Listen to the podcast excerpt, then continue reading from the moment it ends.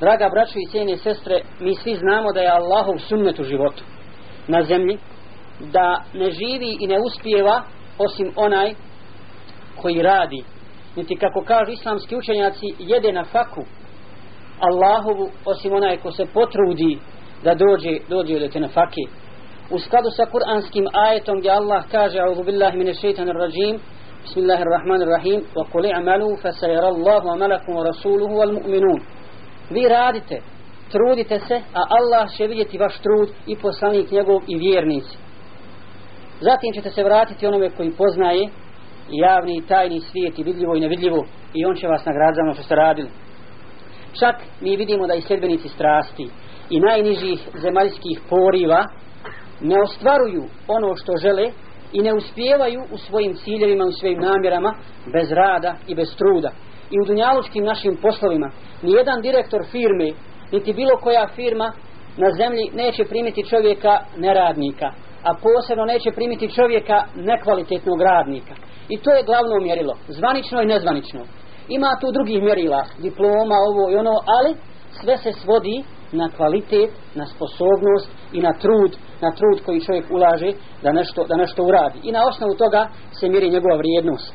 I rad je bio mjerilo mjerilo uspjeha, odnosno neuspjeha kroz istoriju ljudskog roda. Ako pogledamo sve civilizacije i kulture, braćo i sestre, koje su prošle, ili generacije, da tako kažem, koji su protutnjale Dunjalukom, vidjet ćemo, bili, bili, bili to ljudi, odnosno ummeti i narodi, koji su, koji su se borili da Allahov riječ bude gornja. Znači povezani s vahijom, sa Allahovom objavom i uputom, radili da je prenesu drugima, ili to bili ljudi ili narodi koji su se borili e, da, da njihova kultura ili civilizacija dunjalučka uspije, da oni izgrade život na toj nekakvoj svojoj kulturi, nisu uspjevali bez rada. Nerad je donosio samo poniženje, samo poniženje i veliki, ne, veliki neuspjeh. I ako čitamo Kur'an, vidjet ćemo, braćo i sestre, da je ovo temelj. Da je ovo temelj, da je Allah učinio rad temeljom, temeljom vjere, odnosno temeljom života. I iman i dijelo, iman i dijelo, vjerovatno znate na koliko mjesta se spominje, možda će nam neko i kazat, e, na koliko mjesta se spominje u Kur'anu iman i dijelo zajedno. I Allah će nam spominje vjerovanje i dobro dijelo. Znam neko. Dakle, više od 50 put, na više od 50 mjesta spominju se iman, iman i dijelo zajedno. A kažu islamski učenjaci čak i onda, kada se dijelo ne spominje uz iman, kada se spominje samo vjerovanje, samo iman, oni kažu to podrazumijeva, samim tim, samo vjerovanje podrazumijeva dijelo.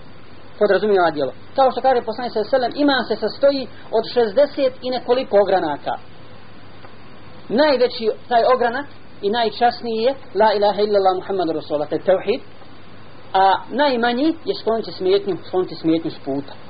I iman koji ne prati, koji ne prati djelo je obična i puka tvrdnja, kako kaže uzvišeni u suri Huđurat, obraćaju se Arapima, odnosno Beduinima koji kažu da su, koji su rekli i izjavili da su oni mu'mini, pa kaže uzvišeni, kale al-a'rabu amenna.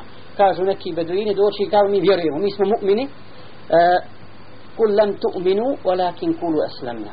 Reci im, vi niste još mu'mini, nego recite mi smo muslimani. Mi smo prihvatili islam, primili smo, izgovorili smo šehadet. Walamma yadkhulu imanu fi qulubikum. Još iman nije ušao u vaša srce. I posle toga Allah kaže šta znači istinski iman? Pa kaže innamal mu'minuna alladhina amanu billahi wa rasulihi thumma lam yartabu. Pravi istinski mu'mini su oni koji vjeruju u Allah njegovog poslanika zatim ne sumnjaju. Nikakve i šubhe ni ne spopadaju po tom, po tom po pitanju imana.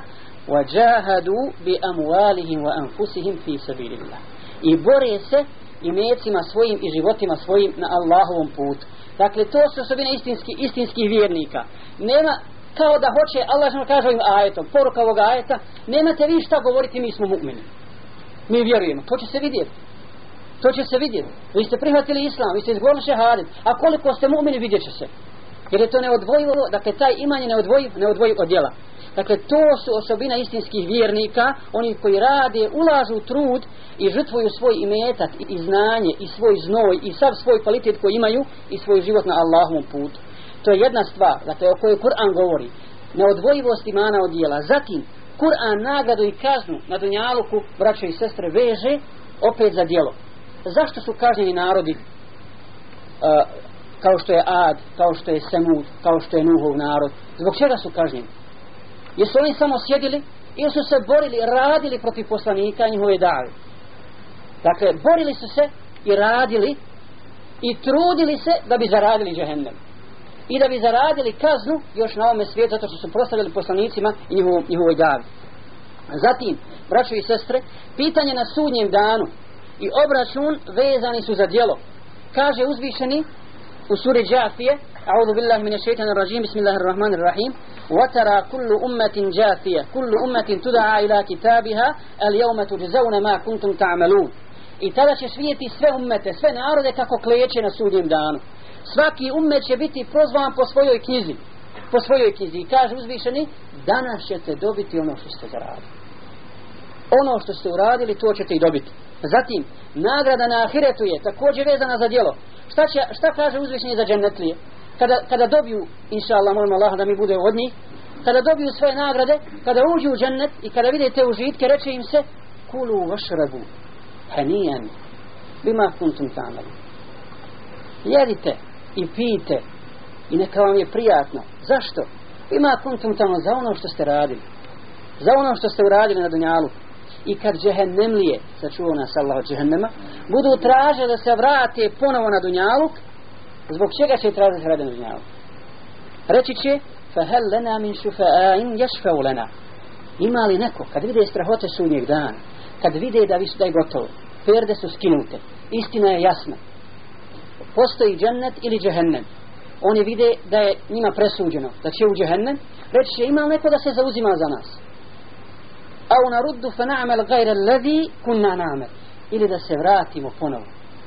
Ili da se vratimo ponovo da radimo dijela koja nismo radili. Ili dijela suprotna od onih koja smo, koja smo radili. Dakle, to su jasni dokazi da je sve povezano na dunjaluku za, sa radom i sa djelom. Zatim sunnet poslanika sallallahu alejhi ve sellem. Govorili smo dakle o Kur'anu. Kako Kur'an na koji način nas posjeće da radimo.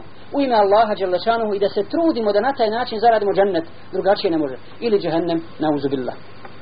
Poslanik sallallahu alejhi ve sellem nas uči da čak znanje, ma koliko bilo, ma kakvo ono bilo, znanje koje, koje predstavlja najbolju na filu, posle dakle fardova, posle oni naredi Allahovi, najbolju na filu, jedan od najboljih ibadeta kao na filu. Posebno korisno, islamsko znanje. Ali ako nije pretočeno u dijelo, može biti zlo može biti zlo. I čak zlo od kojeg se utječe poslanik sa selam Allahu Đelešanohu i kaže u svojoj dovi i naučio je svoj umet toj dovi Allahumma inni a'udhu bike min ilmi la yanfa. Gospodar, utječem se od znanja koje ne koristi. Od znanja od kojeg nema koristi. Utječe se poslanik sa Allahu. I dakle, kako god to znanje bilo, ako se ne, prot, ne pretoči u djelo, ono ne koristi. I to je naša braća i sestre vazifa na Dunjaluku. Odnosno, naš posao na Dunjaluku. I poslanik sa selam čak kad onaj dolazi kod bolesnika, kad dolazi kod bolesnika koji mu dovu uči? Musliman se razbolio dolazi mu Resul sa selem i uči ovu dovu. Allahum mašfi abdu kefulan gospodaru izliječi tog svoga roba. Zbog čega? Jenka u leke aduvan o jemši ila salah. Da bi se borio protiv tvojih neprijatelja i da bi išao na namaz. Da bi išao na namaz. Bolestan čovjek ne može nemoćan ne može dakle zaradit ne može radit ne može zaraditi ko zdrav. I ne može se boriti na Allahovom putu i promicati Allahovu riječ kao zdrav čovjek. I poslanik sa selem moli Allaha i uči nas kako ćemo upućivati jednim drugima kad se, ako nas Allah na, na takvo iskušenje bolešću koju ćemo da upućivati gospodar izliječi ga da bi se borio protiv tvojih neprijatelja protiv kufra i da bi klanjao namaz. Dakle da bi se borio protiv neprijatelja kako? Ne samo sabljom dakle, i u džihadu i iznošenjem istine i raspravljanje na najljepši način sa onima koji, ko, do koji nije došla istina e, i, tako, i tako dalje. I zatim spominje drugi ibadet namaz. Poslanik se ovdje spominje braće i sestre dva ibadeta. Temeljni ibadet dakle temelj, namaz i krov džihad. Onaj ko to ima ono iz, između svakako se podrazumijeva da ima. I ko uspije, ko uspije to, to, to onaj da ostvari svome životu. Zatim ako pogledamo siru poslanika sallallahu alejhi ve sellem, vidjećemo da je vidjećemo da je ona sva u znaku rada i truda na Allahovom putu. Pogledajte, prije toga spomenemo Nuh alejhi selam. Šta kaže Nuh alejhi selam? Kale rabbi inni da'utu qaumi lejlan wa nahara. Wallahi braćo i sestre, ovaj samo ajet. da večera se zapamtimo, da nam ostane, da o njemu razmišljamo dovoljno. Kaže Nuh a.s. gospodaru, ja sam svoj narod pozivao lejlen u nahara, dan i noć. Dan i noć. Sirran wa džihara. Tajno i javno. Ta, šta mu je ostalo od života? Dakle, sav svoj život je uakupio Allah Đelešanu. Sve, sve je dao. Nije samo sate, nego i sekunde i stotinke svoga života. Bili neko, bili poslanici, da, da nisu bili poslanici, da su radili neki dunjaluški posao, bili se toliko trud da im daš ne znam kako platu. Da im daš ne znam, bili muslimani koji su ljubomorni prema Allahu i veri, se trudili, trudili kao što su ashabi, tabijini, prve generacije, koji su nas naučili kako se žrtvuje za Allahu i ne govorimo samo poslanicima, žrtvovali, žrtvovali se toliko za dunjaluk, da im se dunjaluk otvorio koliko se žrtvovali za vjeru. A vidjet ćemo koliko se mi zaista malo žrtvujemo i koliko bi trebali više da damo. I vidimo poslanika sallallahu alejhi ve sellem kad je džihad, on je prvi. U bor, prvi je u borbenom safu. Kao što je prvi u mihrabu. Predvodi namaz, a predvodi džihad. Kad čuje glas, znamo za onu predaju, kad je, kad je se čuo krik u Medini, koji je zastrašio sve stanovnike Medine, pa su izišli ashabi najhrabriji da vide da vide šta je to. to. Poslanik se već vraća od tuda odakle, odakle se čuje taj krik. On već bio tamo i provjerio, provjerio šta se, šta se dešava. Te brine o svom umetu. Brine o, sta, o stanju muslimana. Dakle, gdje god dobro, on je prvi. On je prvi. Ako čuje za, za, da, da se musliman razbolio, ako čuje da je siromašan musliman, prvi je on koji se brine o njemu i koji ga, koji ga pomaže. Ako čuje da, za neku potrebu, dakle, prvi je on koji ide da čini dobro. A mi, ka, mi znamo da nam je on uzor. I svi stalno govorimo, naš uzor je poslanik sallallahu alaihi wa sallam. A uzor je onaj koji se slijedi i treba, i treba da se slijedi. I zaista jedno veliko pitanje, da li mi slijedimo poslanika sallallahu alaihi wa sallam. Nije dovoljno slijediti poslanika samo uh, u, jed, u nekom seg, nekim segmentima njegovog života. E, nosimo bradu kako nosio poslanik sa alaihi Nosimo odjeću kako nosio poslanik sa alaihi. Ne. Nego su se ashabi trudili da ga oponašaju u svemu u svemu, i u namazu, i u nafilama, i u postu, i u džihadu, i u, u svim dobrim djelima, trudiš da im on bude, da im bude istinski uzor. I podučava ashave posle tome. Dolazi mu čovjek, dolazi mu čovjek i pita, ja Rasulala, pogledajte obraća se, pita, ja Rasulala, kad će sudnji dan? Šta mu poslanik se odgovara? Šta si pripremio za sudnji dan? Šta si, ma nije bitno kad će doći volan sudnji dan. Bitno je šta si ti pripremio za sudnji dan nek sutra dođe, nek sutra pobjede, pobjedi islam kao što obećao poslanik sa sallam, znači da neće ostati ni kuća, ni nastamba, ni jedna, da, da on neće ući u islam, ako po, a ja nisam ništa uradio za tu pobjedu islama, nema nagrade. Nema nagrade za mene. Dakle, šta, što pitaš o gajbu? To je nevažno, to samo zna Allah kaše sudnji dan. A on će sigurno doći, jer nas je o tom obavijestio gospodar svjetova. To je sigurno istina. Ali šta si ti pripremio?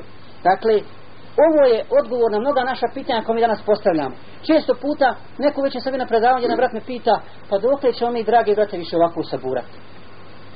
Dok li ćemo mi saburati novim iskušenjima? Ovo se više ne može izdržati.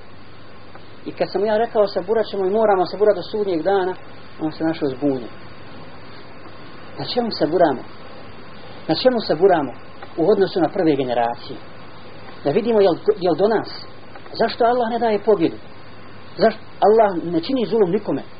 Nikome. Ni nevjernicima Allah zulum ne čini. A kamoli muslimanima? Allah hoće da pobjedi islam. Allah voli muslimane. A ne voli kufi, ne voli nevjernike. I to nam je objavio. E šta mi radimo da pobjedi Allahova riječ? Šta mi radimo da pobjedi islam? I koliko se borimo i koliko ulažemo, ulažemo na tom putu. Zato pogledajmo šta kaže Abu Darda radi Allahu ta'ala anhu. Najviše čega se bojim na sudnjem danu jeste da mi ne bude rečeno kad alimte kad alimte fa mada amilte fima alimte. Znao si. Pa šta si uradio sa onim što si znao? Znao si istinu. Znao si put poslanika sallallahu alaihi sallam. I danas muslimani mnogi znaju. Znaju Boga mi istinu znaju Kur'an i sunnet. I rasprave se vode na svakom koraku. Kasnije ćemo spomenuti, spomenuti to. Mnoge od tih rasprava su jalove besplodne, ne donose nikakve koristi. Meselamo se i, i, i onaj oko, oko najsitnijih detalja na, iz, iz islama. A kad treba nešto raditi za islam onda tu, tu nešto zaškripi